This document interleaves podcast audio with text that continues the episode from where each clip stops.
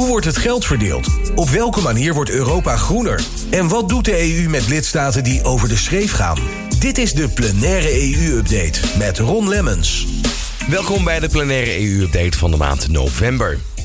Er is een nieuwe wet waardoor de kritieke infrastructuur in de EU binnenkort nog beter is beschermd. We hebben gezien hoe kwetsbaar onze energieinfrastructuur en onze data-infrastructuur kan zijn.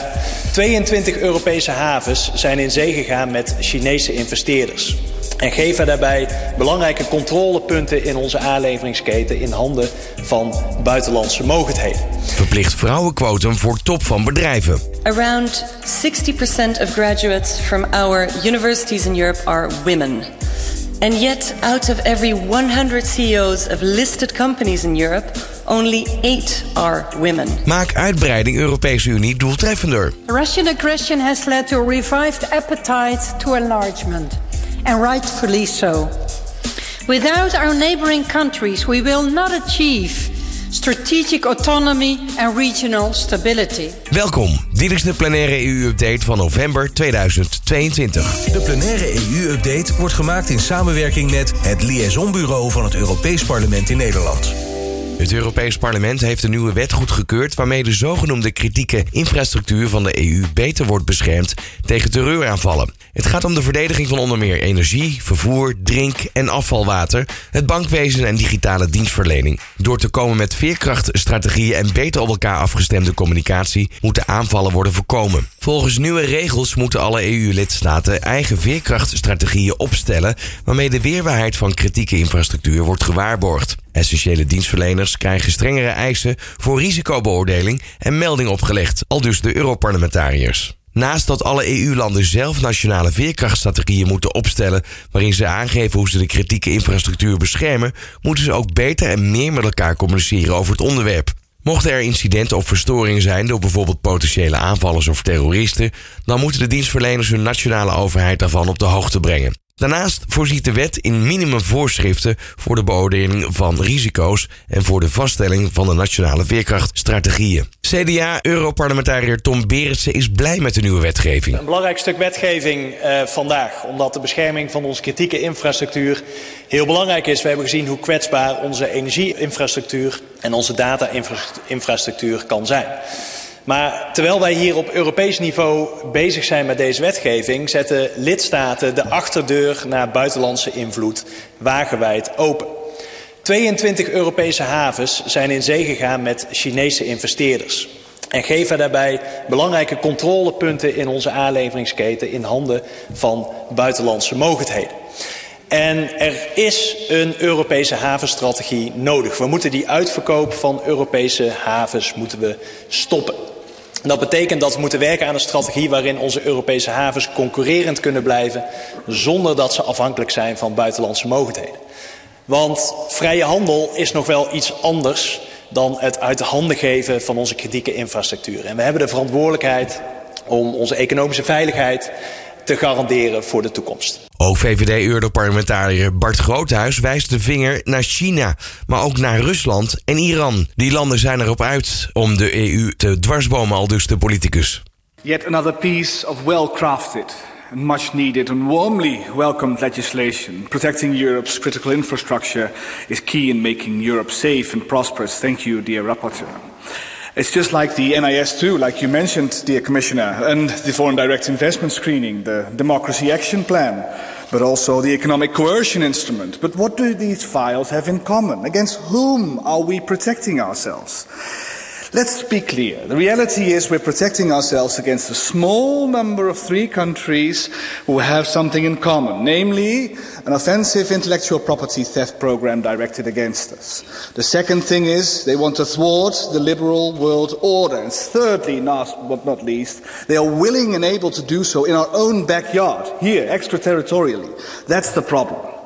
It's Russia, Iran, and China.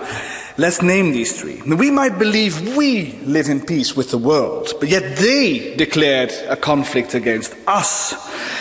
And yet we formulate generic, generic responses. But, dear Commissioner, country specific re- problems require country specific legislation against these three nations. That's what we'd like to see in future. And thank you very much. Dit is de plenaire EU-update op Nieuw Business Radio. Bedrijven bij wie niet minstens 40% van de bestuursleden vrouw is, kunnen sancties tegemoet zien. Dat heeft het Europees Parlement besloten. De maatregel wordt ingevoerd omdat nog te weinig concerns de ernst van de zaak inzien dat ook vrouwen de kans moeten krijgen mee te besturen. Het aangenomen voorstel geldt niet voor het midden- en kleinbedrijf. Tegen eind juni 2026 moet zeker 40% van de niet-uitvoerende bestuursfuncties en minstens 33% van alle bestuursfuncties van het ondervertegenwoordigde geslacht zijn. Om tot deze aantallen te komen, moet ook de werving en selectie van nieuwe bestuursleden transparant gaan verlopen. De verdiensten van kandidaten blijven voorop staan, maar wel komt er een controle van bovenaf. Beursgenoteerde bedrijven moeten de bevoegde autoriteiten eens per jaar informatie verstrekken over de gendervertegenwoordiging in hun raad van bestuur. Bedrijven die toch niet voldoen aan de regels krijgen sancties zoals boetes opgelegd. De EU-landen moeten deze zelf uitvoeren. Momenteel is 30,6% van de bestuursleden van de grootste beursgenoteerde ondernemingen in de EU vrouw. Nederland was het jarenlang slecht gesteld, maar het gaat iets beter. Zo'n 37% van de bestuurders in beursgenoteerde bedrijven is vrouw. Frankrijk is koploper met 45,3% en Cyprus hekkensluiter met 8,5%. Tien jaar lang werd een voorstel voor een vrouwenquotum geblokkeerd in de Europese Raad. Pas in het voorjaar van 2022 kwamen die ministers van Sociale Zaken en Werkgelegenheid tot een standpunt en een akkoord met het Europarlement. PvdA Europarlementariër Lara Wolters is co-rapporteur over het onderwerp. Around 60% of graduates from our universities in Europe are women. And yet, out of every 100 CEOs of listed companies in Europe, only 8 are women. In my own country, the Netherlands, often upheld as a progressive bastion, there are more CEOs called Peter than there are women CEOs. And the reason for their underrepresentation in the boardroom is not a lack of merit or talent, it's structural problems that disadvantage women in their careers, particularly when they want to take on leadership roles. Spoiler alert the law we have before us today won't solve all of that. For that, we need quality and affordable childcare. We need better paternity leave. We need part time work to become accepted for men. And let us not forget that most women work not at the top, but in jobs that are hugely undervalued and underpaid.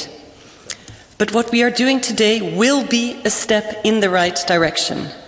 The law we are signing tomorrow aims at getting at least 40% of board positions of listed companies to be filled by women through better recruitment procedures with clearer criteria, more transparency, and broader candidate pools. Member states have until 2026 to achieve gender balanced boards with measures put in place to make sure that they do. And I think we all stand to win. Companies stand to benefit from looking more like the consumers they serve. It's unsurprising that research has shown that companies with more diverse teams are more creative, more innovative, and have better problem solving abilities. Diverse leadership, in turn, can lead to more productivity and more successful business operations. And yet, at the moment, only three in ten board members in large EU corporations are women. And zooming in on Hungary, Estonia, Cyprus, that is one in ten. Those boardrooms are not a good reflection of society, especially when thinking of the fact that these companies are heavy hitters that take decisions that can impact all of us. As you may know, a lot of my work in this House is about how we make sure that companies don't only think about their bottom line, but also about their place in society. In 2022, we expect more from companies, and that goes from gender equality to respect for human rights, climate change, and the environment. That's why I sincerely believe that we all stand to benefit from this employees, consumers, citizens, and yes, companies themselves. If a member state recently introduced legislation, they still have to meet the targets we're talking about today. Otherwise, they are subject to this law. And that means that either way, all 27 member states will see more women in their boardrooms in the near future. That's a big deal for Europe and certainly for the 18 countries inside our EU without effective legislation. Now, of course, there are those who will say quotas won't work and that this will lead to appointments based on gender rather than merit. I think it's about time that we left that argument where it belongs in the previous century. We've tried asking nicely.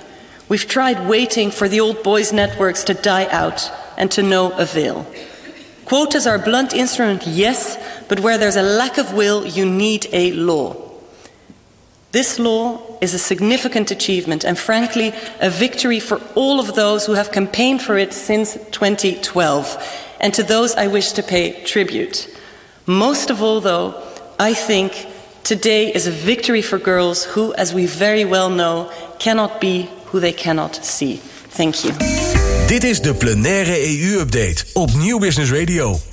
Landen die lid willen worden van de Europese Unie moeten tegen 2030 klaar zijn met onderhandelen en daarom moet het uitbreidingsproces anders georganiseerd worden. Dat stelt het Europarlement. Momenteel zitten verschillende landen in de wachtkamer voor het EU-lidmaatschap en om bij de EU te komen moeten ze aan criteria voldoen en hervormingen doorvoeren. Daarover moet onderhandeld worden en bij sommige kandidaten duren deze gesprekken jaren en zodoende komt toetreding niet snel dichterbij. De parlementariërs zien het uitbreidingsbeleid als sterkste geopolitieke troef van de EU, zeker gezien de toenemende dreiging van Rusland. In het uitbreidingsproces moeten de democratie en rechtsstaat voorop komen te staan.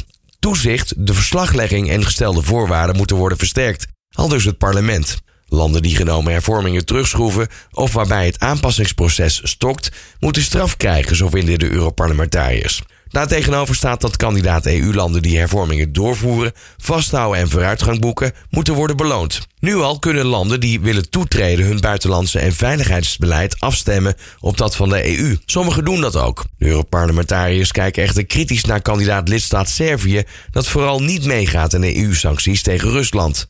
Volgens Europarlementariër Tineke Strik van GroenLinks heeft de Russische agressie terecht geleid tot meer hang naar EU-uitbreiding. Russian aggression has led to a revived appetite to enlargement, and rightfully so. Without our neighboring countries, we will not achieve strategic autonomy and regional stability. But the region has been neglected for too long.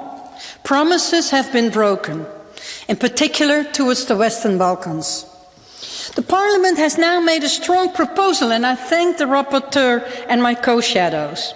I invite the Council and Commission to take this report as a basis for a renewed approach, and I mark three points here. First, put the rule of law, democracy, and fundamental rights at the core of the enlargement process, as they form the foundations of our union. Make funding conditional and increase assistance for those reforms. And that also means a critical stance on Serbia, as long as President Vucic refuses to condemn Russia and to protect the rights of LGBTIQ people in his country. Second, enhance the EU's credibility by ensuring that assessments are merit based and not polluted by bilateral issues. And that means an end to the vetoes on interim decisions. And third, we need to find ways to intensify our cooperation while the accession process is still ongoing. More benefits and more involvement will stimulate the process. Chair, it's time to start delivering our promises for our own stability, but first and foremost, as you also said, Commissioner, because the citizens deserve the required reforms and concrete perspective to accession. Thank you.